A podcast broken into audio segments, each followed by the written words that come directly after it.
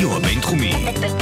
בינתחומי. 106.2 FM. הרדיו הבינתחומי. הרדיו החינוכי של המרכז הבינתחומי. לקול ישראל. 106.2 FM.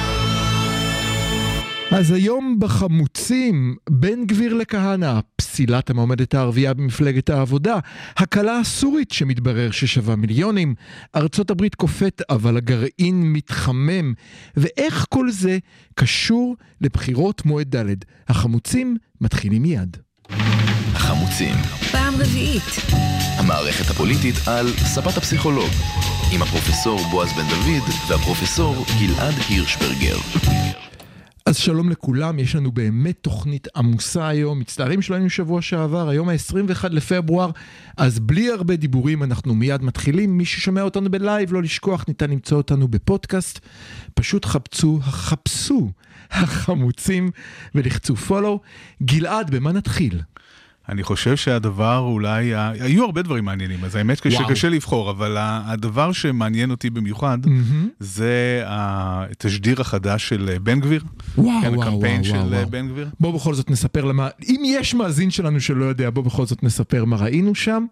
אז קמפיין יצא מטעם בן גביר, לא מטעם סמוטריץ', עלק, שבו רואים שיחת וואטסאפ שבה לפיד מצרף לקבוצה את סער ואת כולם, כולל כמובן הרשימה המשותפת, ויש בו שני רגעים קריטיים, אחד שבו המועמדת מקום 7 או 8 במפלגת העבודה, הזכר לי? שבע. כן. שבע אה, באה ומראה את תמונה של היטלר עם לב, אחר כך גם סמיר קונטר עולה שם, עם הזועביז כמובן. כמובן. כן. מה אתה אוקיי, חושב אז מה? מה קורה פה? קודם כל, אני חושב שאנחנו צריכים להכיר בזה שנכנס אה, שחקן פוליטי חדש לזירה שהוא שונה מהקיצוניים הקודמים שהיו כאן. זאת אומרת, יש, אה, היו בעבר אה, חברי כנסת מהימין המאוד קיצוני, או מועמדים לכנסת, כמו. ברוך מרזל, מהמם. אה, מיכאל בן ארי. בואו, חייבים, חייבים להזכיר כמובן את הקליפ של ברוך מרזל עם השיר המפורסם, אתה יודע מה אני מתכוון, כן? כן, עם אז- האקדח שיורה ומסובב את הפתק הצבעה, היו כן, ימים אז- טובים. אז ברוך מרזל ומיכאל בן גביר טובים מאוד בלהציג את עצמם. כדי לא נורמליים, ו- ו- והם לא, הם לא מצליחים להתחבר אפילו לימין הלא מאוד מאוד קיצוני, אלא רק המאוד קיצוני. אבל לבן גביר יש יכולות אחרות. כי הוא בחליפה. בן גביר, קודם כל, הוא יודע את העבודה. צריך לומר את זה, הוא יודע מה הוא עושה. הדבר המשמעותי ביותר שבן גביר עשה השבוע, מהמם. זה הוא בעצם קובע את סדר היום. כולם מעניין. מדברים, כולם מדברים על התשדיר של בן גביר. בזה, ב- בעניין הזה לבד, הוא הצליח. הבנתי. כן? מלהיות פוליטיקאי מאוד מאוד שולי במפלגה, בחלק הזוי של מפלגה די הזויה, כן. הוא הפך להיות מרכז השיח, הוא הפך להיות העניין שכולם אה, מדברים עליו. אוקיי. ומי שקובע את סדר היום ומי שמכתיב את סדר היום, מהמם. יש לו הרבה מאוד כוח, והוא יודע את זה. והוא יצר כאן מצב שהרבה מאוד גורמים אחרים במערכת הפוליטית לא יודעים איך להגיב. לה... הם חייבים להגיב, אבל לא יודעים איך להגיב. אז, אז בואו נדבר על זה רגע אחד. אנחנו בשיחה הקודמת העלינו שתי אפשרויות שיש כאן. אפשרות אחת היא שהדבר הזה גורר התנגדות של המרכז, שאומר עד כאן, כתב על זה אטילה שום, אני אף פעם לא מצליח להגיד שם משפחתו. כנראה ששומפלבי או משהו כזה. סליחה, מוויינט כתב עבור הישראלים אה, היטלר זה קו אדום ולכן בן גביר עשה מעשה שמרחיק את המרכז מהצבעה לליכוד. אופציה שנייה, שאני מניח שאתה בוודאי תומך בה, היא דוקטור ג'קל ומיסטר הייד. כן, אני לא, בן גביר, התפקיד של בן גביר אף פעם לא היה למצוא חן בעיני מצביעי מרכז. כן? מהמם. זה ברור לגמרי שכל מי שהוא לא ימין מאוד קיצוני לא יתמוך בבן גביר. כן. אבל לבן גביר יש תפקיד חשוב בתוך כל המערכה הזאת של הימין הפוליטי בישראל. בוא תסביר. כי הוא יכול להגיד דברים שאחרים לא יכולים להגיד, הוא יכול להיות גם איזשהו בלון ניסוי שאפשר אה, לומר, ולקדם אג'נדה שהיא כן אג'נדה של המחנה כולו. אז האג'נדה, בואו נדבר על האג'נדה שנייה, מה רגע, האג'נדה? רק שנייה, אני רוצה לראות שאנחנו מבינים. אז אתה אומר, יש לנו כאן משחק של דוקטור ג'קל ומיסטר הייד. אני, נתניהו, מכובד, מרכזי, אבל אה, זה שהוא משתלח, מה אני יכול לעשות שהוא משתלח? אבל הנה, מישהו משרת אותי בכך שהוא מעלה על הסף את מה שאני רוצה שתחשבו עליו, שהשמאל הוא קיצוני ומסוכן, ולכן חייבים להצביע לי. בדיוק. אז הוא משחק, אתה יודע, במושגים אה, פסיכודינמיים, הוא האיד אה, פחות או יותר, האיד הפרוידיאני, מהמם. שכולו דחפים ותשוקות ותהליכים לא מרוסנים. אה, ואז אפשר להגיד, זה בסך הכל, כן, השד המשתולל הזה זה לא אנחנו. אבל חשוב, במה? אבל... לא, אבל יש כאן משהו חשוב, סליחה. כן. אה, מה שחשוב כאן, ואני אהדהד את מה שאתה אמרת, זה לא רק שזה האיד המשתולל, אלא שעכשיו כולכם חושבים על כך שרגע, רגע, רגע, רגע, רגע, מפלגת העבודה אוהבים את היטלר, אז הם כאלה קיצוניים, אז זה מסוכן, מה יהיה, חייבים להצביע ביבי. תכף נדבר בדיוק על העניין הזה. זה. אז קודם כל, באמת, שה, איפה שיש משותף בין מה שבן גביר אומר לבין מה שהליכוד בעצם אומרים, זה שהשמאל הישראלי מאוד מסוכן. בשמאל הישראלי יש אה, גורמים שהם תומכי טרור, שלא עומדים בצפירה, שמספרים אה, בדיחות שואה, מהמם. שעושים כל מיני דברים שהם אה, מהווים אה, איום ופגיעה בקודשי ישראל, ולכן השמאל הוא מאוד מאוד מסוכן. עכשיו, בן גביר עושה את זה כמובן בדרך המאוד אה, קיצונית שלו, אבל הוא כן משרת אג'נדה שהיא אג'נדה של אה, כל המחנה, מהמם. ובזה שהוא אומר דברים קיצוניים כל כך, הוא מעמיד את הצד השני בפני בעיה. במגננה? הוא מעמיד את הצד השני במגננה, מעניין. בדיוק. זאת אומרת, מה אתה, מה אתה עושה מול זה שאומרים לך, אתה אוהב את סמיר קונטר ואת היטלר? מה אתה אומר? לא, מה פתאום, אני לא אוהב את סמיר קונטר. כן, אתה, כל אבל אני תשובה, חייב להגיד את המילה הזאת, כן. כל תגובה שלא, לא, ברגע שאתה אומר אני לא, אתה בעמדה של מגננה. מה פתאום בכלל אתה צריך להתגונן על זה שאתה לא אוהב את סמיר קונטר? יותר כן? מזה, ברשותך, רגע, אני אהיה פסיכולוג קוגניטיבי. ברגע שאמרת אני וסמיר קונטר באותו משפט, לא נכון. משנה, אמרת לא או כן באמצע, חיברת את עצמך. האסוציאציה נוצרה. האסוציאציה נוצרה. וברמה קצת אה, קוגניטיבית קצת יותר גבוהה, לא ברמה האסוציאטיבית הזאת. ברגע שאתה צריך להתנצל על משהו שמראש לא היית אשם בו, כן, אז אתה כבר אה, נמצא במצב לך שהוא... תוכיח שאין לך אחות. כן, בדיוק. אוקיי. אז זה כבר, אז מהבחינה הזאת, זאת הצלחה מאוד גדולה של בן גביר. זאת אומרת, מי שחושב שהדברים הקיצוניים האלה מרתיעים אה, בוחרי מרכז, ברור שהם מרתיעים בוחרי מרכז, הם לא היו אמורים בכלל למשוך בוחרי אבל מרכז. בוח... האם נתניהו החליט... אבל הם עושים עוד משהו שאתה דיברת עליו בעבר, אם כבר אוקיי, מדברים על אה, קוגניטיבי. תחשוב מה הדברים האלה עושים למישהו כמו סמוטריץ'. אם סמוטריץ' היה הילד הרע המשתולל הלא מרוסן עד עכשיו, אה. סמוטריץ' פתאום בהשוואה, הוא המבוגר האחראי. לגמרי. נכון? הוא אומר, רגע, רגע, זה קיצוני מדי, אני לא, לא לא כזה." נתתי אישור, אה, זה, זה לא משהו שאני כן. רציתי שבכלל יקרה. אז זה מוציא את אה, סמוטריץ' הרבה יותר אה, ממלכתי והרבה יותר אחראי והרבה יותר שקול, מי שאי פעם חשבנו שהוא יכול להיות. כן, זאת אומרת, אנחנו, אתה, אתה הולך על, ברשותך, 1828, האפקט, הקונטקסט, אבינהאוגס התחיל את זה, כשאתה משווה למשהו גדול, הדבר שקודם נחשב ממוצע לפתע נחשב קטן, אלה אפקטים פסיכולוגיה קוגניטיבית שאנחנו מכירים שנים. זאת אומרת, זה עובד לא רק בתפיסה אה, חזותית, אלא אפילו בפוליטיקה. אם כן. מישהו מאוד מקצין, לפתע אתה באמצע. כאן אני רק רוצה להתפרץ ולומר שהיה לו רעיון לאחרונה בהארץ. שזה כבר מעניין שסמוטריץ' בכלל מתראיין לארץ, מה הבעיה שלו? לא להתראיין, הרי אין לו מצביע שם גם ביום ירוק, והוא מדבר על מצד הבהמות, לא התכוונתי שהם בהמות הלהט"בים, זה רק להתריס, אני מצטער על דברים שעשיתי פעם, לא הייתי עם 400 ליטר בנזין, אלא רק עם 40 ליטר בנזין, נשבע לך, זה לא יאומן, וכאלה וכאלה, זאת אומרת, מה אתם רוצים ממני? אני מחליק בגרון, אני נחמד וחמודי. אז אתה, אתה מחזק עוד יותר את uh, מה שהתחלנו כאן כקצת תיאוריית קונספירציה, שלא מדובר באיזו השתוללות uh, חסרת רסן של uh, בן גביר, מהמם. אלא כאיזשהו מהלך שאולי הוא מתוכנן ברמה כזו או אחרת, ומשרת את, ה, את כל המחנה הזה. משרת את כולם. כן, אז אנחנו גם מפיצים uh, תיאוריות קונספירציה. אבל היום. למ- למה תיאוריות קונספירציה? סליחה, ראש ממשלת ישראל, יושב ראש הליכוד, בנימין נתניהו, בקולו בריאיון דיבר על כך שמפלגת העבודה ומרצ הן מפלגות לא ציוניות. כן. לא, לא, זה בהחלט, אני כבר התחלתי ואמרתי שזה משרת לגמרי את כל הקו של uh, כל הימין הפוליטי, מהליכוד עד... Uh, בעוד שכמובן מפלגות חרדיות שקוראות בקול רם לא להתגייס לצבא, הן מפלגות ציוניות, כן? זה חלק מה... לא, אבל עכשיו אני רוצה גם אה, אה, שנשים לב לשתי המטרות העיקריות של מה שבן גביר עשה. לך על זה. המטרה הראשונית היא אותה חברת כנסת שדיברת עליה מקודם, מספר עליה. אה, שבע, אה, מראנה איבתיסאם. איבתיסאם יש להומר? אני חושב. אנחנו, זהו, התלבטתי כן. בזה. אוקיי, סליחה. אם הגינו לא נכון. אה, ממפלגת העבודה. שכאן יש לומר שהיא קצת מרימה להנחתה, זאת אומרת. אני, קצת אה, אה, תמה לגבי תהליך קבלת ההחלטות במפלגה הזאת, שבחרו מישהו, יש כל כך הרבה אה, פעילים חברתיים ופוליטיים במגזר הערבי שלא... לא אה, צריך ללכת רחוק, מפלגה אחת שמאלה, לכאורה, מרץ, כן. יש שני מועמדים ערבים בחמישה ראשונים, נכון, שאין להם, נברו. אין להם רקורד כזה. נכון. האמין לי, נברו בכל מה שאמרו אי פעם שניהם פעילים, אין שם שום דבר שאפילו דומה. כי, כי האמירות שלהם באמת אמירות בעייתיות, צריך לומר את זה. כן. אמירות בעייתיות, כן. כן.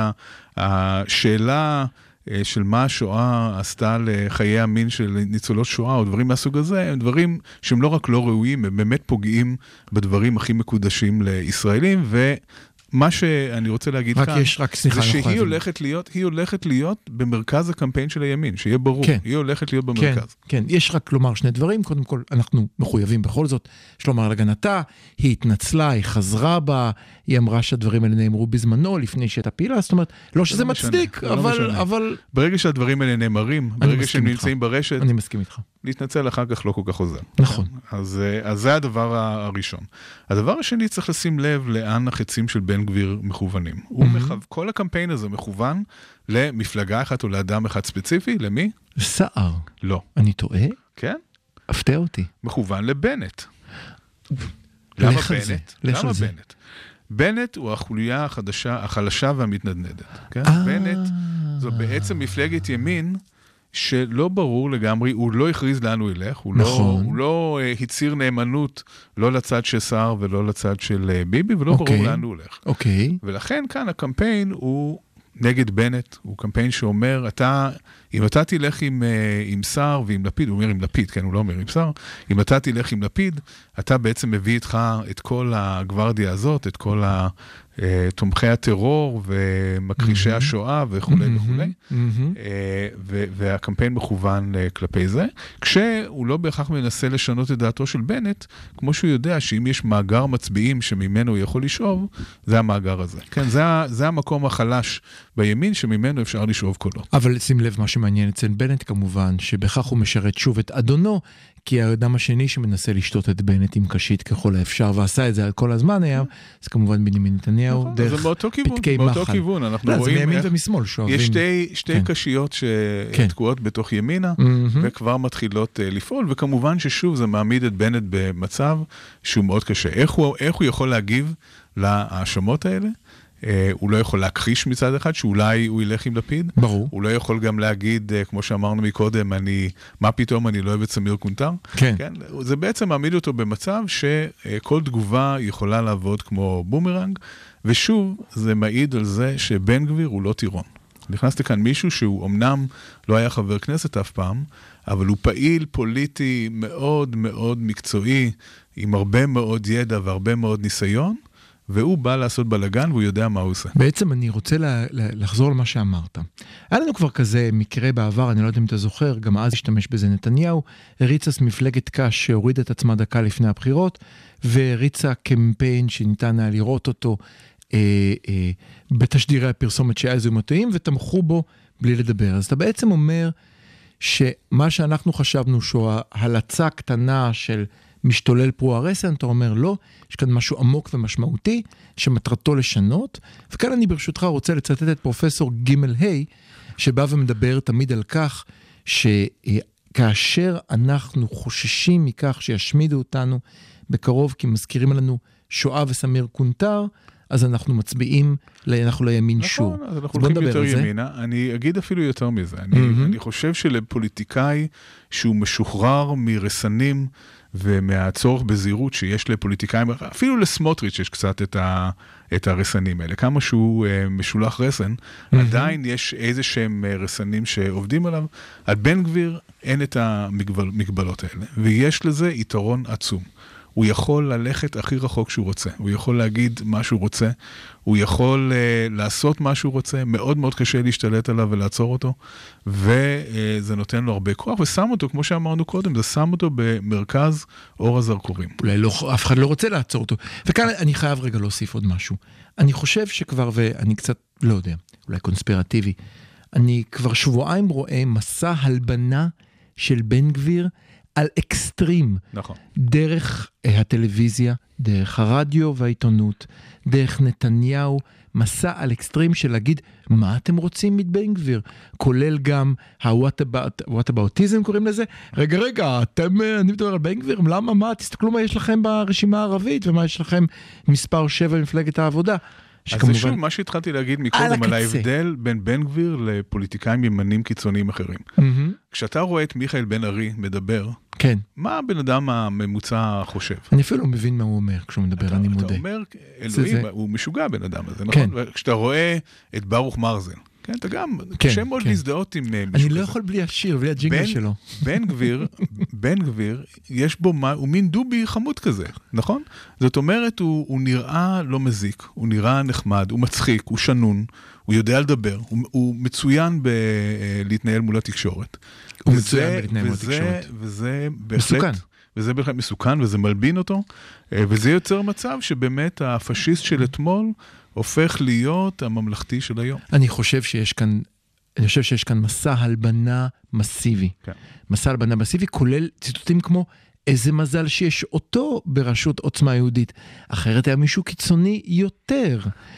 ניצלנו, הוא לפחות שפוי יחסית לאחרים, שזה אני ראיתי, וכמובן העובדה שמראיינים אותו. וכאן אני מוכרח להגיד שיש מהלכים מעניינים. כמו שאתה בוודאי יודע, יש היום פאנלים פוליטיים בזום בבתי ספר ובמוסדות אחרים. בחלקם הייתי מעורב בדרך זו או אחרת. ולאחרונה יש מגמה מעניינת של כמה חברי כנסת שאומרים, אם בן גביר שם, אני לא שם. ומאוד מעניין לראות, יש בתי ספר שאמרו, אם כך אז נוציא את בן גביר כי לא יש לנו אף אחד.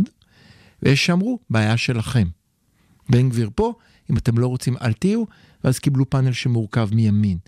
שזה, אני חושב, נקודה מאוד מעניינת, ומזכירה לנו כמובן את בגין. בסופו של דבר, כן. הנוער הוא יותר ויותר ימני, זה לא כל כך, אה, אני לא בטוח שזה משפיע כל כך, אה, הצעדים האלה. אולי מבחינה סמלית זה חשוב. אני חושב שזה סמלית זה סמלית חשוב, אני מכריע. מסכים. אם בעוד שבועיים יקרה המצב שכל הפאנליסטים מלפיד ומסער ושמאלה יבינו שאין להם ברירה אלא להשתתף כי הם יחרימו, יגידו להם בלעדיכם, אז כבר לא יחרימו אותו יותר.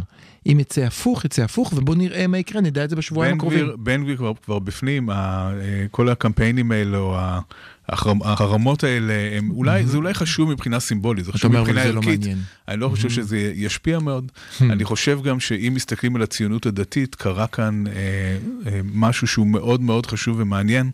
הציונות הדתית נמצאת בקו פרשת המים, ממצב שמי שייצג את הציונות הדתית זה אנשים מאוד מאוד ממלכתיים ומתונים, כמו יוסף בורג וזבולון המר. כן. היום המפלגה שקוראת לעצמה הציונות הדתית, זו מפלגה אולטרה קיצונית. זו מפלגה שאין שום דמיון בינה לבין המפד"ל ההיסטורית, וזה באמת הולך להיות מעניין לראות אם הציבור הדתי-לאומי יהיה מוכן להצביע למועמדים מהסוג הזה. כאן אני מוכרח להגיד לך שאני רואה לאחרונה סקרים שאומרים שאני פספסתי. במפלגת ה... בעצם בן גביר שואב את כוחו, כמו שראינו באותו אקט שהיה קשור לחב"ד, שואב את כוחו דווקא מהחרדים. מאוכלוסייה חרדית, מאוד קיצונית בגזענות כלפי ערבים, שמוצאת בה את הבית, הוא מספיק דתי בשביל להיות דתי עבורם, אבל הם לא רוצים להצביע במפלגות החרדיות, כי אולי הן לא קיצוניות מספיק. אז אולי אנחנו לא מחפשים כאן כיפה סרוגה, אלא כיפה שחורה? אז כאן, או אה. אה, כאן, כאן אתה פותח נושא שלם שאני לא חושב שיש לנו זמן אה, לדבר עליו, וזה באמת ההקצנה של הציבור החרדי. זאת אומרת, אנחנו יודעים שהציבור החרדי כבר לא, לא מעכשיו, אלא כבר שנים רבות, נמצא ימינה לליכוד מבחינת העמדות המדיניות והפוליטיות שלו. זה עתה התפרסם סקר של מיודענו, פרופסור ערן הלפרין, שהראה שהציבור החרדי, שיהודים חרדים מחזיקים בעמדות אה, מאוד גזעניות כלפי אה, ערבים, אה, מה שלא מפתיע בכלל, אבל זה קיבל עכשיו גם תוקף מדעי בסקרים שנערכו.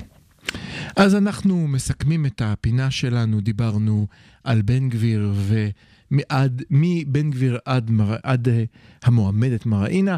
אנחנו חוזרים בחלק הבא, אל תדאגו, יהיה מעניין. אני מוכרח להגיד שהרפרנס הכי מעניין למה שאמרת בעיניי, גלעד, היה שיר התולעים מתוך אופרת הרוק מאמי של הלל מיטלפונקט, שבו יש את נציגי כהנא, ואז אומרים, תארגנו נגדנו מחאות וחרמות. לא אכפת לנו, זה לא מזיק לנו, להפך, זה עוזר לנו. להפך, להפך. שבו בשקט, תנו לתולעים לעבוד, ככה שיר, אתם מוזמנים לחפש אותו.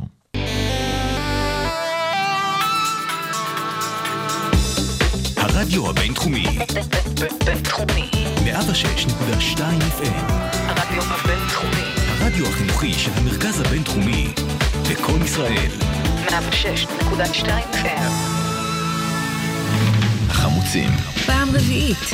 המערכת הפוליטית על ספת הפסיכולוג, עם הפרופסור בועז בן דוד והפרופסור גלעד הירשברגר. אז שלום, תודה רבה שחזרתם. אה, אחרי שדיברנו קצת על מערכת הבחירות ועל ממשיכו של כהנא, אנחנו עוברים אל הפרשייה הביזארית ביותר שיכולה לקרות. אני מודה שככל שאני חופר בפרשה הזאת, זה נראה לי יותר כמו סרט גרוע, הצעת תסריט גרועה לנטפליקס שהאורחים אמורים לדחות מיד. אני מדבר כמובן על פרשיית הכלה הסורית, שעמוד הפייסבוק שלה אה, כמובן זה אסור לפי צנזורה, אבל אם אתם משתמשים בכלי ריגול מאוד מאוד מתוחכם שנקרא גוגל, או פייסבוק או טוויטר, אחרי שתי דקות אתם יודעים לא רק מי היא, אלא מה עמוד הפייסבוק שלה, כל דבר גלוי אבל אסור, לא ברור לי הסיפור הזה. והפרשייה הזאתי, אני, אני לא מבין מה קורה כאן. גלעד, מה, מה, מה קורה כאן? טוב, אני הגעתי למסקנה מאוד מאוד נחרצת מהפרשייה הזאת, לך על זה. והיא שאנחנו פשוט לא יודעים כלום על מה באמת קרה שם. אה, אני, אני כל הזמן מרגיש שמוכרים לנו כאן איזשהו סיפור, מוכרים? שהוא לא מתקבל על הדעת אפילו. זאת אומרת, אפילו בתור סיפור, הם לא חשבו עליו מספיק טוב כדי לבנות סיפור שאולי, שאולי נוכל לקנות אותו. זה מזכיר לי, אתה יודע מה? מהבחירות הקודמות, אתה זוכר את ה... מי ש... את המנקים אה, בעזה שניקו ואז בטעות יורו טילים על ישראל? אתה זוכר? כי לא. ניקו שם, אתה זוכר שנורו טילים על ישראל באחת מערכות כן. הבחירות? ואז אמרו, לא, זו הייתה תקלה, הם לא התכוונו. נשענו עם המרפק. כן. זה נשמע ככה. אז רק נסביר למה זה לא סביר. אנחנו מדברים על מישהי שחדרה לסוריה מישראל, אנחנו עכשיו חורף, שלג, בהרים, ניווטה את עצמה לנקודות שבהן צה"ל לא מסוגל לאתר אותה, אם- שזה כבר מטריד, חדרה לסוריה, נעצרה, הגיעה לרוסיה, שילמנו בשבילה מיליון נקודה שתיים דולר, נכון? ב- לרוסיה שלא צריכה כזה סכום מאיתנו. כן, זה, זה אחד הרוסית זה הדברים, גרושים. זה אחד החלקים הכי חלשים בסיפור הזה. רוסיה באמת חיכתה לקבל מיליון נקודה שתיים דולר מישראל כדי להעביר חיסונים לסוריה? זה לא תקציב זה לא- החשמל בארמון של נשיא רוסיה לחודש. לא, תסתכל מה, תסתכל מה, מה הרוסים משקיעים בסוריה דרך קבע, כן, סו- מבחינה, מבחינה צבאית, חצי מהצבא האדום נמצא שם. רוסיה זו אימפריה בליגה... הצבא הרוסי כמובן, לא כן, הצבא לא, האדום. זה, זה כן. כמובן, זה אימפריה אדירה, מיליון דולר בשבילם זה כמובן טיפה קטנה בים השחור. הסיפור הזה מאוד מוזר. חיסונים רוסיים מגיעים לסוריה, שזה אקט מבורך דרך אגב, צריך לומר. כן. אנחנו בעד הפצת לא, חיסונים בתור- בכל מקום. גם בתור עסקת אה, חילופין, אם אפשר לתת חיסונים במקום לשחרר מחבלים למשל, כן, זה, זה בסדר גמור. עד מחר, אבל, כמה אבל שאפשר. ברור שזה לא הסיפור, ברור שהם עורכים אותנו כאן, ברור שיש כאן משהו שלא מספרים לנו, חייב עוד, ושאולי מה שמספרים לנו בכלל רחוק מהמציאות. עוד שני פיתולים בעלילה שנורא שעשעו אותי. בהתחלה דיברו על שחרור שני מחבלים, ואז התברר שהמחבלים אמרו, אנחנו לא רוצים ללכת לסוריה, עזבו אותנו, השתגעתם לגמרי. הם, הם רועי צאן, הם לא ממש מחבלים. לא, לא, זה לפני זה. ואז אמרו שיחזירו שני רועי צאן. ואז כמה עיתונאים חכמים אמרו, סליחה? עברנו על כל, העית... כל העיתונות הכרונית, לא ראינו שום דיווח של דובר צה"ל על רועי צאן שנעצרו, ואם נעצרו, איפה הצאן? כאילו, מה כן, קורה לא, פה? הסיפור הזה הוא, הוא ביזארי לגמרי. יש, יש אולי דבר אחד שאפשר להגיד על הסיפור הזה, לך על זה. ושכמובן הכל קשור בבחירות והכל משרת בצורה כזו או אחרת את הצרכים של נתניהו. מסכים. אה, כנראה שנתניהו חשב, לפחות לפי מה שפרשנים שונים אומרים. אה, נתניהו חשב שאם הוא יצליח להביא אותה חזרה לארץ, אז אה, הוא יצא שוב הגיבור הגדול שמפעיל את הקשרים הבינלאומיים שלו. אה, כדי להחזיר ישראלים אה, טועים ממקומות שונים אה, בעולם, אפילו מסוריה. חשוב לומר, מדובר יהיה בפעם, בפעם השלישית שהוא עושה את זה ערב בחירות. כן. היה לנו את העצמות שהוחזרו של חלל צה"ל, היה לנו את, באומל, נעמה, היה היה לנו את את נעמה, נעמה פרידמן. יששכר. סליחה, שהוחזרה מרוסיה, ועכשיו יש לנו את הכלה הסורית, זאת אומרת, כרגיל אצל נתניהו, אם יש תיק שעובד, מנסים לחזור לפני בחירות, למה לא? כן. אבל מיד הוא הבין שהפעם זה לא אה, עובד כל כך טוב, ושיש מהמם. הרבה ביקורת ציבורית, ולכן אה, אנחנו מתחילים לראות התפתלויות סביב העניין הזה, וגם כל, כל החשיפה הזו של החיסונים, שלא ברור למה הסתירו משהו... אה, אני לא, אני, אני זה רוצה לא להגיד, ברור, בקיצור. יש כל, כאן- כל הסיפור הזה לא ברור. אני אגיד מה כן ברור, אני אגיד מה כן ברור ברשותך. אני חושב שנתניהו עשה כאן תרגיל נורא יפה, ואני נפלתי בפח, אני, תרגיל הסחה. אני מודה, נפלתי בפח. זאת אומרת, יום אחרי הרעיון שלו, שכולם אמרו, רגע, היה שם המון פייק, התחיל לעלות הפייק משם, התחילו לדבר עליו, או בכלל דיברו על משהו שהוא לא הכתבתו של נתניהו. נתניהו אומר, ישיבה דחופה, אסור לדווח מה קורה. כולנו, גם אני, במקום לשאול שאלות כמו מה קורה עם הקורונה, 5,500 מתים והכל, על מה דיברנו כולנו? מה נתניהו עושה? מה כן, קורה? אבל כאן, כאן, אה, אם יורשה לי, אני רוצה לדבר על איזושהי תיאוריה קונספירטיבית קצת שיוסי מלמן אה, חושף בהארץ, ממש כמה שעות לפני שנכנסנו אה, סקרנת, כאן סקרנת. לאולפן. לך על זה. הוא, הוא מדבר על זה שבאמת העניין הוא לא המיליון נקודה שתיים אה, דולר שמעבירים לפוטין, הוא לא צריך את הכסף, והסיפור של זה החיסונים... חמישה שקלים. כן, זה כמובן מצחיק. מה, ש, מה שכן יש כאן, אה, יש כאן אה, מצב של העמקת השליטה הרוסית בסוריה וריסון של ישראל. זאת אומרת, ייתכן מאוד מהמם. שלא רק אה, עשינו את החילופים האלה, שאולי הם נועדו כדי להסתיר את מה שבאמת קורה, אלא שלפוטין עכשיו יש קצת יותר אה, מנוף על אה, ישראל, על נתניהו, על היכולת של ישראל לפעול בסוריה כמו שהיא פועלת, שלא תמיד מוצא חן בעיני אה, פוטין. מהמם. זאת אומרת שאם הדברים האלה נכונים, מדובר כאן במחיר אסטרטגי. לא מדובר כאן רק בחיסונים ובסכום פעוט של כסף, אלא מדובר באיזשהו מחיר אסט- אסטרטגי בהגבלה של היכולת של צה"ל לפעול אה, נגד האיראנים ונגד אה, כוחות פרו-איראנים בסוריה. אני אמשיך את מה שאתה אומר. סיבה נוספת לתמוך בקונספירציה שלך היא העובדה ש... יוסי מלמן, לא שלי, מגיע לו את הקרדיט. אני אתן לו את הקרדיט, זה שביום שהעסקה התחילה להתבהר, מיד יצאה כותרת בכל המהדורות החדשות, שלא מדובר בעסקה שמגבילה את יכולתו של צה"ל להמשיך לפעול בעומק סוריה. אם מישהו צועק, אין לי אחות, אין לי אחות, אין לי אחות! כן. ברגע שמכחישים, אז יודעים uh, בעצם מה, uh, מה קרה, אז, יכול מאוד להיות שזה העניין, ואם זה העניין, אז מוכרחים להגיד מה המשמעות. המשמעות היא שנתניהו, בשביל uh, uh, לקבל עוד כמה נקודות במערכת הבחירות, היה מוכן אולי למכור אינטרסים ביטחוניים חיוניים של מדינת ישראל. כן, ואז מדובר כאן במשהו שהוא הרבה יותר חמור מאשר לא לספר לציבור שקנינו uh, קצת ספוטניק והעברנו לסורים, שזה באמת אה, סיפור כיסוי קלוש ולא אמין. אני חושב שיש כאן עוד משהו, אני, אני רוצה לחזור למה שאמרתי בהתחלה. אני חושב שזה לא רק פעולת הסחה, ולא רק כמו שאמרת, מי, שולט, מי ששולט ב news cycle הוא המנצח, אלא שאנחנו חוזרים שוב לתיאוריות שלך. מה שעובד לנתניהו זה ה protector of Israel. כל עוד מזכירים לישראלים, אתם בסכנה, נכון. יש איראנים וסורים, אנחנו נצביע ביבי, ולא נהמר על מנהיג ש...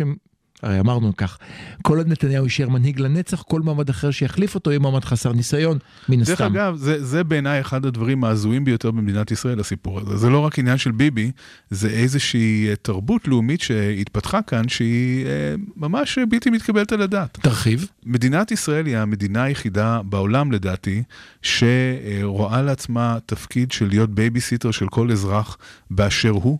כל פעם שאיזה ישראלי נתקע על איזה הר איפשהו, כל פעם שמישהו צריך חילוץ, כל פעם שמישהו עובר את הגבול לכאן או לשם, מדינת ישראל מרגישה, כן, משרד החוץ ישר מתגייס, ומדינת ישראל מרגישה שזה מחובתה אה, לחלץ אותו, כמובן שהמשפחות של אותם אנשים חושבים שזה תפקיד של משרד החוץ, וכל אה, המדינה אה, מחכה בכיליון עיניים לשמוע אם אה, ברוך שנמצא על איזשהו הר, כן. שאתה יודע איפה, אם יצליחו להביא אותו בחזרה הביתה. ובעיניי, עם כל הכבוד, אני באמת אה, לא, לא רוצה חלילה להשאיר ישראלים אבודים בכל מיני טרקים, אבל אני חושב שזה לא מתפקידה של אה, מדינה לדאוג לכל מטייל, בשביל זה יש ביטוחים אה, אה, למטיילים, בשביל זה יש חברות חילוץ, בשביל, יש כל מיני דרכים אחרות שבהן אנשים צריכים, אה, שבהם אנשים צריכים לדאוג. אה, לגופם ולנפשם ולבריאותם כשהם אה, לא נמצאים אה, בארץ. לא ייתכן שמדינת ישראל תהיה אחראית לכל דבר כזה. יכול להיות שכאן, במקרה של הכלה הסורית שלך, מדובר במשהו אחר, בגלל שזה, בגלל שזה סוריה. מדינת אויב. אבל עדיין, לא, כל, פעם, כל פעם שאיזה מישהו, אנחנו, אתה הסתכלת מקודם בפייסבוק של הבחורה הזאת, כן. וכן, ברור שיש שם משהו אה, לא לגמרי נורמטיבי. אה, לא, לא בטוח שכל פעם שאחד כזה אה, או אחת כזאת עוברת את הגבול, אה, כל המדינה צריכה להיות על הרגליים. אה, אני חייב להגיד כאן שלושה דברים. במיוחד אה, העניין הזה קצת חורה, כשחושבים על כן, זה. שכמובן, יש אה, כוכבית ליד כל העניין הזה של מדינת ישראל כבייביסיטר. אלא אם כן, אלא אם כן אתה אתיופי, נכון. וסליחה, ופגוע נפש. אני חושב ששני הדברים האלה עומדים לרעתו. אם הוא היה אתיופי ששירת בגולני, זה היה נראה אחרת. אם הוא היה, אני חושב שפגוע נפש, גם אם גובן עורו לבן היה נחשב טוב, הוא... זה, אבל, אבל זאת שעברה לסוריה לא. נראית לי בקו הבריאות הנפשית לגמרי, לפי... אה, לא, יודע. לא, לא יודע להתבטא מה שקורה שם, זה היה מעניין, אבל אני חושב שיש כאן, אה, הסיפור של אברה מנגיסטו, יש כאן איפה ואיפה, ללא ספק. מייצר עכשיו חוויה לא נעימה בצורה קיצונית, מה גם, ועכשיו שני הדברים, השארת לי רק שני דברים לומר, מה גם שיש uh, תיאוריות מאוד uh, שמוצפות הרבה בתקשורת, שאותה בחורה uh, ככל הנראה מקושרת, הייתה מקושרת. חרדית, כן. והמשפחה החרדית שלה מחוברת מאוד אל uh, אדם מאוד מאוד בכיר במפלגת... Uh, אה, דג, איך נקראת? אגודת ישראל זו מפלגה מאוחדת שלהם, נכון? והוא זה שמשך היטב בחוטים.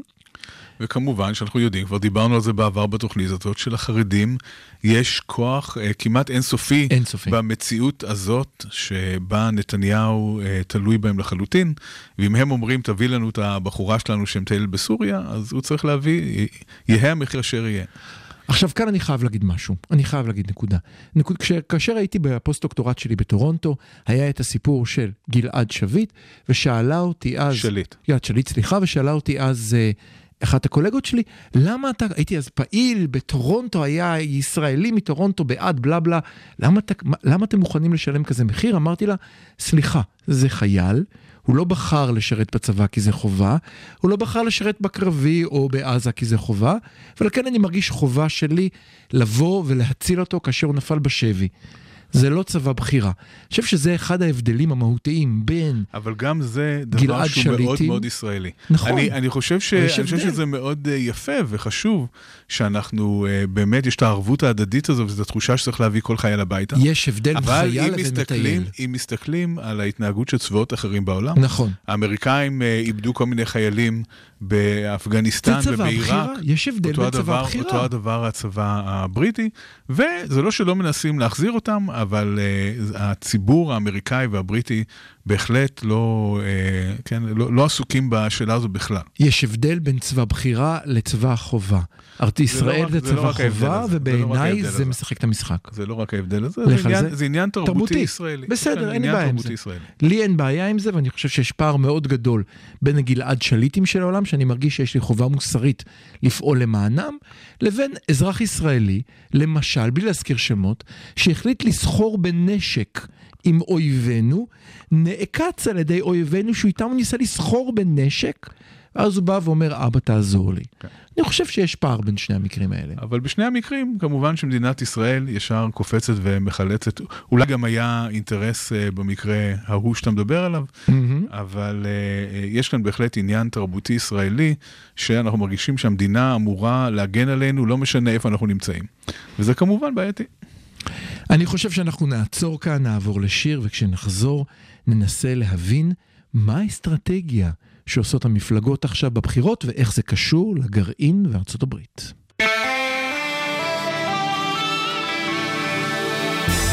הרדיו הבינתחומי, בינתחומי. 106.2 FM, הרדיו הבינתחומי. הרדיו החינוכי של המרכז הבינתחומי, לקום ישראל, 106.2 FM. החמוצים, פעם רביעית. המערכת הפוליטית על ספת הפסיכולוג, עם הפרופסור בועז בן דוד והפרופסור גלעד הירשברגר. טוב, אם הגעתם עד עכשיו, אתם שומעים אותנו בפודקאסט, תעשו, פשוט תעשו subscribe, וכך תוכלו לקבל את הפרקים הבאים שלנו, ותוכלו לעיין בפרקים הקודמים. אם אתם שומעים אותנו בלייב, 106.2 FM בכל יום ראשון בשעה 4, אז דעו לכם שיש פודקאסט. דיברנו על הרבה דברים עד עכשיו ונשארו לנו עוד 500 נושאים על הדף שלי ועל הדף שלך, אז נעשה בליץ ככה של נושאים. בוא נתחיל בארצות הברית, אתה בטח רוצה לדבר על הגרעין ואני רוצה לדבר על טקסס, אז בוא תתחיל לדבר על גרעין. אפשר לדבר על אה, כל הדברים. אה, קדימה. מבחינת אה, הגרעין, קודם כל הייתה שיחת הטלפון המיוחלת הגיעה. ביידן סוף סוף התקשר כן, לביבי ודיבר כן. איתו אחרי שהוא ייבש אותו כמה שבועות. זה אז, היה אה, ייבוש קיצוני. אבל, אבל אה, אה, חוץ מהעניין הסמלי הזה, יש כאן דבר יותר משמעותי. רגע, סליחה, והוא- סליחה, סליחה, חייבים לעצור. אה, כאן צריך לתת קרדיט לנתניהו ושופריו, הוא הציג את זה כניצחון, הנה הראיתי לכולכם החמוצים השמאלנים, ביידן כן התקשר אליי, שזה כאילו, הפס... אני כן הפסדתי במשחק, הראיתי לכם מה זה, זה בערך משהו כזה, כן. כן, אוקיי, מעבר ל- לעניין הזה שאני מבין שאתה שמח לגביו, אה, יש כאן עניין יותר רציני, והוא שביידן אה, מודיע בצורה מאוד מפורשת שהוא חוזר להסכם הגרעין עם איראן, ולזה יש כל מיני השלכות. עכשיו, אחד ה- אה, ה- הדברים שקרו השבוע כאן בזירה הישראלית, מהמם. שאני מוכרח להגיד שהפתיע אותי ולא מעט לטובה, לך זה? התגובה של מפלגת העבודה ושל אה, מרב מיכאלי. תפתיע אותי. מרב מיכאלי החליטה להיכנס בפול גז בעניין הזה של הסכם הגרעין האיראני, מהמם. והיא באה ואומרת את הדבר הבא. היא אומרת, קודם כל, ברור לגמרי שאיראן גרעינית זה דבר שלא בא בחשבון, לא מתקבל על הדעת, אנחנו לא יכולים להסכים עם העניין הזה. אז קודם כל היא אומרת את הדבר הזה, ה- אתה הברור. אומר גם את ה-obvious צריך להגיד? צריך אוקיי, להגיד, צריך, שיהיה- מאוד חשוב שמפלגת העבודה הישראלית תאמר את הדברים האלה. ברור. אבל דבר נוסף היא אומרת, מה שאנחנו יכולים לראות זה שביבי נכשל לגמרי בניהול של המשבר הזה. מהמם. 12 שנה הוא ראש ממשלה, מהמם. והוא לא הצליח להרחיק את האיום האיראני. כן. להפך, כל הדברים שהוא עשה הביאו לשתי תוצאות עיקריות. התוצאה האחת זה שאיראן אה, קרובה מאי פעם ליכולת אה, לרוץ בעצם לעבר נכון. הפצצה אם היא רוצה. ואין לנו שום ו- דבר לאיים עליהם, כי הרי כבר אין הסכם. ואין אה, אין הסכם שיכול אה, להגביל אותם. ודבר שני, שהוא גם מאוד משמעותי מבחינה אסטרטגית, זה שישראל בעצם הרחיקה את עצמה משולחן הדיונים לגבי הנושא הזה. זאת אומרת שאם בעבר הייתה איזושהי אוזן קשבת בוושינגטון למה ישראל חושב ולמה היא רוצה, כבר דיברנו לפני כמה פרקים מהמם. על זה שממשל ביידן מורכב כולו מאנשי אובמה לשעבר. כן. שזוכרים גם זוכרים מחזיקים מה- בפנקס, הכל מחזיקים הפנק- בפנקס. בהחלט, ויש שם טינה לא קטנה אה, כלפי נתניהו, על כל הדרך שבה הוא התנהל, על הנאום בקונגרס, כן, כל ה-. כל הניסיון לעקוף בעצם את הממשל וללחוץ כן. עליו דרך הקונגרס, להתערב בפוליטיקה הפנימית האמריקאית. לחלוטין. אנחנו עכשיו משלמים את החשבון על העניין הזה. מהמם. עכשיו, זה שמיכאלי באה ואומרת את זה, זה משמעותי מכמה בחינות. זה משמעותי מהבחינה הזאת שמפלגת העבודה הבינה שהיא לא יכולה להיות מפלגת נישה שהולכת לדבר רק על אה, זכויות סוציאליות ורק על אה, ענייני כלכלה וחברה ועל התמודדות עם קור- קורונה כן, ועזרה כן. ל- לעסקים ו- וכו'. כן, כן. אלא היא צריכה לדבר על נושאי הליבה של מדינת ישראל, וזה בהחלט אחד מהמם. מנושאי הליבה. מהמם. מסכים? והיא גם מרשה לעצמה אה, לתקוף את נתניהו במקומות הנכונים, להצביע בעצם על אותם הכשלים החמורים ש, אה, של נתניהו בכל הסיפור של הניהול של אה, משבר הגרעין, כשנתניהו כמובן מציג את עצמו בתור המומחה לנושאי ביטחון ולנושאי איראן. וכאן כמובן נכנס העניין שלישי, לא פחות חשוב, אם אתה זוכר את הביקורת אפילו של רביב דרוקר כלפי מה את מבינה בביטחון. או, עכשיו זאת הנקודה, זאת המעניין. הנקודה הבאה שהיא כן. מאוד חשובה. כן, כן. היא הייתה, אחד האנשים שמדברים על זה בנוסף אליה זה אה, עומר בר-לב, כן, אה, אה, איש צבא, ביטחוניסט, מהמם, מישהו שיש לו את הרקע לדבר על הדברים האלה, מהמם. אבל זה משמעותי במיוחד שדווקא היא בוחרת לדבר על הדברים. כן. כי היא שוברת כאן איזושהי סטיגמה, איזושהי תפיסה ישראלית לגבי נכון. למי מותר ולמי אסור לדבר נכון, בנושאי נכון. ביטחון. עד עכשיו היה ברור שהנושא הזה הוא מחוץ לתחום לנשים. נכון. כן? נכון, מה נכון. פתאום שאישה תדבר על גרעין איראני? זה, מהמם. זה נושא של, זה נושא גברי לגמרי, זה נושא של גברים. גם מה פתאום שמישהו שהוא לא איש מה, צבא. מה פתאום מישהו שהוא לא איש צבא נכון. ידבר על הדברים האלה? נכון. והיא היא פשוט אה, עושה משהו שהוא פורץ דרך. כן, היא, היא בעצם אה, באה ואומרת, הנושא הזה הוא נושא מהותי, הוא נושא שאני מתכוונת לעסוק בו, הוא, נושא שאני מתכוונת לדבר מהמם, עליו, מהמם. ואני לא הולך להתנצל על זה שאני אישה ולא אשת. צבא כשאני מדברת על הנושא הזה, כי זה נושא שיש לו משמעויות רחבות הרבה יותר מאשר אם היית גנרל אה, כזה או אחר. כשיש לומר במפלגת האחות בדיוק את אותו מסר אומר כל הזמן אבל מי שאומר את זה זה יאיר גולן. נכון. ויאיר גולן להבדיל מניצן שהוא- הורוביץ כן. הוא היה סגן הרמטכ"ל הוא התעסק נכון. בנושא הזה הוא מכיר את כל הדברים ולכן שהוא מדבר על זה כך היה מקובל זה עד היום. היה. מקובל עד נכון. היום שהיאיר גולני הם אלה שמדברים נכון, על נכון. הנושאים האלה, וזה שמרב מיכאלי בעצם מובילה את הנושא הזה במפלגת העבודה, זה חשוב ומשמעותי. גם מהבחינה הזאת שזה קמפיין שהוא חשוב מבחינת התוכן שלו. נכון סוף סוף השמאל מתעסק באיום הפיזי, באיום הביטחוני. כן עד עכשיו השמאל פחד להתעסק בנושא הזה, פחד. אה, לגעת בו, מהמם. עד כדי כך שבעצם אה, יש איזושהי תפיסה כמעט אקסיומטית שביטחון שווה ימין, אבל זה רק כי, הימין אבל זה מתעסק כי, בביטחון. כי הטפלון שמורכב ממנו נתניהו כמר ביטחון מתחיל להיסדק בעיני הרבה מאוד אנשים בציבור. נכון, זה נכון. כבר לא קונצנזוס כמו שהיה לפני כמה זה שנים, עדיין, זה שכולם עדיין, אמרו עדיין שהוא- התפיסה לגבי זה היא תפיסה... זה מתחיל אה, להיסדק לגבי, נכון, רק לגבי נכון, נתניהו. נכון.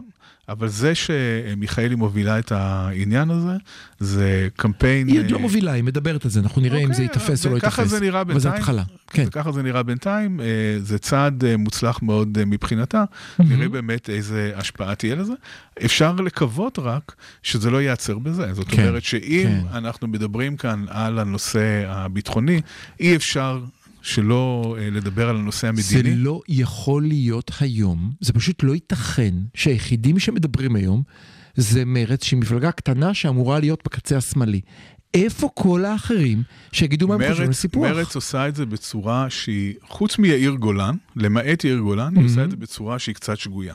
היא עושה את זה בצורה שגויה בגלל שלא לא ש, לא שאין לי חמלה כלפי הסבל הפלסטיני וכלפי המשמעות של כיבוש. העניין הזה הוא עניין מאוד משמעותי. אתה פשוט ו- חושב שזה לא עובד. אני, לא, אני חושב שיש כאן עניין שהוא חשוב יותר לציבור היהודי הישראלי, והוא שהמשך הכיבוש של 2.6 מיליון פלסטינים ביהודה מהמם. ושומרון, משמעו סוף אה, מדינת ישראל כמדינה יהודית ודמוקרטית. ומי ש, שצביון המדינה חשוב לו, צריך להבין את זה, שזה לא רק מבחינת ה, איך אנחנו מרגישים כלפי פלסטינים או לא מרגישים כלפי פלסטינים, אלא יש כאן אינטרס ישראלי. ואני מקווה ש, שמפלגת העבודה, שמרב מיכאלי, תיקח גם את הדגל הזה, אבל ולא שים רק לב, את אבל, העניין הביטחוני. אבל שים לב, אני, אני, שים לב, בתוך מרץ, את מה שאתה אומר עכשיו אומרות, אומרים באמת ניצן, ניצן הורוביץ וחבר הכנסת יאיר גולן. לא כולם, יש גם את הצד השני, אני מסכים איתך כי מרץ רצה שמאלה. איפה, אני, סליחה, לא רק מעניין אותי מפלגת העבודה, ברשותך, מעניין אותי יאיר לפיד. כן. למה יאיר לפיד לא מסוגל להגיד מילה? דווקא יאיר לפיד. לא מפלגת העבודה ומרץ, שעכשיו נתניהו הפך אותם ל... ככה זרק אותם שמאלה, וגם הפריימריז של מפלגת העבודה, בסופו של דבר, אם נסתכל על אנשים שנבחרו שם, בהחלט גורם לכך למרות את השערות מדוע לא התאחדו עם מרץ. איפה יאיר לפיד, שאמור להיות עכשיו להוביל את המחנה? אל תגיד כיבוש, אתה צודק.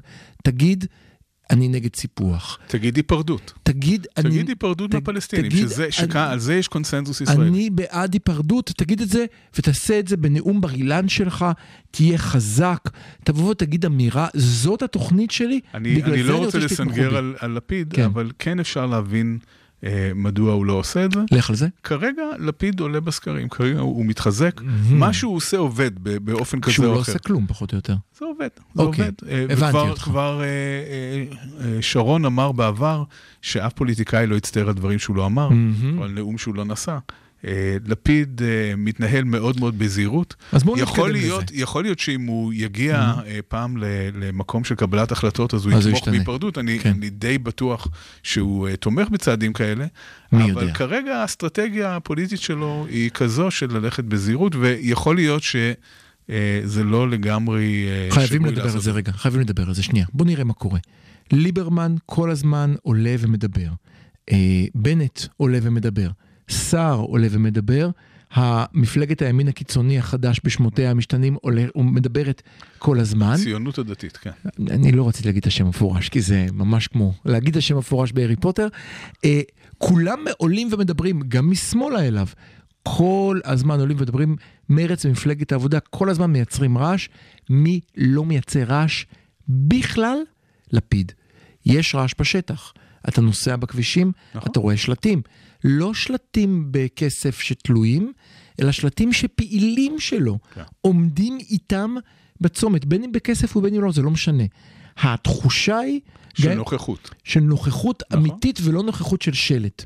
יש, הוא עושה עבודה מעניינת בלי שהוא מדבר. כן. שזה מאוד מאוד מעניין כקמפיין. אם תיכנס לאתר של אה, יש עתיד, אתה תראה שהכל שם מלא בתמונות של ההפגנות בצמתים. זאת אומרת שהוא אה, באיזשהו מקום מנכס לעצמו... מנסה, כולם מנסים לנכס. כן, אני, אני חושב שהוא אה, אה, עושה את זה ביתר שאת, ובאמת יש נוכחות מאוד גדולה של אנשים שלו בצמתים ובהפגנות, אה, אבל אה, זה לא מקרה... עשיתי כאן עם לא- הראש ככה, כן, כמי בסדר, שנמצא שם. מי שנמצא שם אני לא בטוח שאני מסכים איתך, אבל זה לא משנה, זה לא משנה. הוא מנסה להעביר את המסר, יש את המשוגעים של בלפור, לכן לא הלכתי לשם. גם משהו, אבל הסבתא והסבא עושה- שעומדים בצומת הם עושה שלי. עובד. מה כן, שהוא כן, עושה כן, עובד. כן, כן, כן, כן. שזה נורא מעניין, ולכן אני פה איתך. אני פסיכולוג קוגניטיבי, אתה פסיכולוג פוליטי. איך הוא מצליח לא לדבר ולעבוד, כי אתה לא יודע מי הוא, ואז אתה מעדיף להצביע לו? הדברים, אחד הדברים שלפיד מצליח לעשות, ו- מהמם. ומגיע לו את כל הקרדיט על זה, הוא בנה לעצמו שם של פוליטיקאי מאוד אמין. של מישהו. של מישהו שעומד מאחורי הדברים, שלא אה, עושה קמפיין לכיוון אחד ואחר כך בוגד במצביעים שלו ועובר לצד השני, מהמם. כמו כמה, כמו פוליטיקאים רבים אחרים כן. במחנה השמאל-מרכז. כולל מי שרץ ו- איתו. ונכון, והרבה מאוד אנשים מסתכלים על לפיד ואומרים, פעם לא הערכנו אותו, פעם לא חשבנו שהוא מתאים, אבל בתכלס, אם אנחנו רוצים שמישהו באמת מהמם. ימלא אחר הרצונות שלנו ויעשה את מה שהוא אומר שהוא יעשה, אז כנראה שלפיד הוא אחד האנשים האלה. אז אם כל הזמן אמרת לנו כדאי שתשלוט ב cycle of news, כדאי שתשלוט כי אז אתה בפרונט, לפיד אומר הפוך, אני לא אשלוט ב cycle of news, אני לא אופיע, אני אדבר מעט מאוד, אני מדבר רק בזומים פנימיים של המפלגה, וגם שם אני לא אומר משהו שמישהו הקליט אותי יכול להיות news, אני רק מדבר פרווה פרווה פרווה, כל הזמן בלי הפסקה, זה יהיה מעניין לעקוב. אחרי זה ולראות אם הוא ימשיך ככה עד הבחירות עצמן. יש לי תחושה שלא. מהמם. אני חושב שהוא כן אה, אה, יצא, אבל הוא, הוא יצא מאוד בזהירות. זאת אומרת, הדברים שהוא יאמר יהיו דברים אה, ממלכתיים, ולא יהיו. לא יהיו, שם, לא יהיו שם חידושים אה, מאוד גדולים. שים לב, במשך 35 דקות נתניהו תוקף אותו בפריים טיים בטלוויזיה, הוא לא מגיב. שזה, שזה נכון. והוא נכון. יכול היה להגיב, זאת אומרת, היה לגמרי מתבקש היה בא מגיב, היו נותנים לו, כי חייבים לתת לו במה, הוא לא מגיב, הוא לא מגיע לתקשורת, הוא לא עמדה- תובע את עמדה עלבונו, מתגוננת היא אף פעם לא עמדה טובה. הוא לא תובע את עלבונו, כל האחרים תובעים את עלבונו, וגם היו לו צעדים מעניינים עד עכשיו. כאשר פרשו ממנו אנשים, אמר להם מאחל בהצלחה. כן. כאשר שליין הודח מהטלוויזיה, הוא אמר, תקפת אותי כל הזמן, זה חלק מהמשחק, אני מעריך אותך, הכל אצלו זה פרווה, רגוע, שלב, מאוד ממלכתי, התבגרתי, אני כבר לא אותו אחד עם אבל הראש גם מאוד, במחשוף. גם מאוד ישר והגון. נכון. כן, יש, יש משהו מאוד ישר והגון בדרך שהוא מתנהל. מעניין מאוד, אני חייב אבל מילה אחת על ארה"ב לפני שנסיים, כי נגמר לנו הזמן, אי אפשר בלי לדבר על, על מה שקורה בטקסס. בוא נגיד שזה שתי דקות, דקה אפילו. אני חושב שצריך לדבר על זה, אבל אי אפשר גם להתעלם ממה שקורה פה בחופי הארץ. לך על זה. אה, אתה צודק. אז אולי מילה לגבי זה, כן, אנחנו נמצאים. כרגע באירוע אקולוגי אה, נוראי. נוראי. של אה, אה, כנראה מכלית נפט עלומה, שלא מספרים לנו מי ומה היא, שזה לא, גם לא מתקבל על הדעת שחיל הים, ש, שצה"ל לא יודעים מי, מי ה... ברור שיודעים, ברור ברור, שיודעים, שמבינים ברור מי שיודעים. זה, כן. כנראה שיש סיבה שאותו יש לא סיבה תבעו אותם. שמסתירים, נכון. אה, ו- הנזק האקולוגי הנזק הוא הוא מטורף, לשנים, הוא מטורף, כולל אנשים... אבל יש אז- לנו מזל. מזל שיש לנו שרת איכות סביבה מאוד uh, פעילה, שישר נרתמה uh, לעבודה. Uh, בלי גילה גמליאל, אני לא יודע איך היינו עושים את זה. וכאן כאן צריך לומר משהו, הרבה מאוד אזרחים טובים באו ויצאו לעשות מעשה. כן. אה, שזה זה, זה מה שמעצבן, שמצד אחד זה מראה את מה שתמיד קורה במדינה הזאת, בעיניי. יש באמת, סליחה על הרגע של הציונות, ויש באמת אנשים נפלאים בישראל שמוכנים לקום ולעשות דברים למען המדינה והארץ, אבל ההנהגה שלהם לא ראויה להם. שתיים, שמתברר שהם סיכנו את בריאותם בצורה קיצונית, ולו קם היה ארגון ואומר, רגע, קחו כפפות, קחו זה, בואו נעשה את זה בצורה מסודרת, גם יכול להיות יותר יעיל וגם פחות פוגע בבריאותם, אבל לאף אחד לא אכפת. נכון, בדיוק. ומק... ובקו ישיר לזה, סליחה, נדבר על טקסס, המדינה שקפאה, והמדינה שקפאה, וכאן תודה לדורי רייך קשבנו בארצות הברית, קפאה בזמן שגשושית נוחתת על מאדים. ואני חושב שזה בדיוק הקיצון של הניאו-ליברליזם, ליברליזם בעיניי. נכון, וכאן שוב בואו נחבר את זה לפוליטיקה המקומית. Mm-hmm. בדיוק אה, לפני אה, יום-יומיים, אה, ימינה, בנט, פרסמו את התוכנית הכלכלית שלהם, שהיא הניאו-ליברליזם בהתגלמותו. זאת על אומרת... על סטרואידים, כן, משוגע. כן, זו בעצם תוכנית שמדברת על הורדת מיסים מאוד משמעותית, על הורדת uh, מס חברות, על uh, הורדת כל החסמים השונים uh, שקיימים, כל הרגולציה, כל החסמים השונים uh, mm-hmm. במשק, וכמובן המחיר בצד השני זה ממשלה קטנה uh, עם מעט מאוד uh, התערבות במה שקורה ב, uh, בחברה, במדינת ישראל. ואנחנו יודעים בדיוק מה הסוף של זה. וזה עובד מצוין בתקופת שפע. זה עובד מצוין בתקופות של שפע, אבל מה ש... שקורה בטקסס זה דוגמה בדיוק. של מה שקורה במשבר, ובכלל מה שקורה בארצות הברית עם הקורונה, זה המחיר של הניאו-ליברליזם כשיש uh, משבר. וכאן אתה אמרת לפני השידור, זה הרמה להנחתה, אנחנו קוראים נכון, כאן, הקשיבו נא לנו, השמאל, מפלגות המרכז-שמאל, קומו והגידו, אתם רוצים ניאו-ליברליזם, אין שום בעיה, כשתבוא הקורונה הבאה, תמתינו בתור שלוש שנים, כי אין קופת חולים שתתקתק לכם את הטיפול, אין בית חולים שיטפל בכם ללא תשלום, אין רשת חברתית שתגן עליכם כאשר זקוקים לה, כי כשאין רשת סוציאלית, אתה נופל בעת משבר, כמו שקורה בקורונה ובטקסס. ורשת סוציאלית עולה כסף. רשת סוציאלית נכון. עולה כסף, ובתקופות של שפע הרבה פעמים אנשים אומרים, למה אנחנו צריכים את זה? למה צריך לממן בעצם אה, מערכת כל כך אה, בזבזנית? אבל בתקופות של חירום, של משבר, אנחנו רואים עד כמה זה נחוץ. אז אנחנו היינו החמוצים, תודה רבה לכם, קצת הארכנו, אבל יש הרבה מה לומר.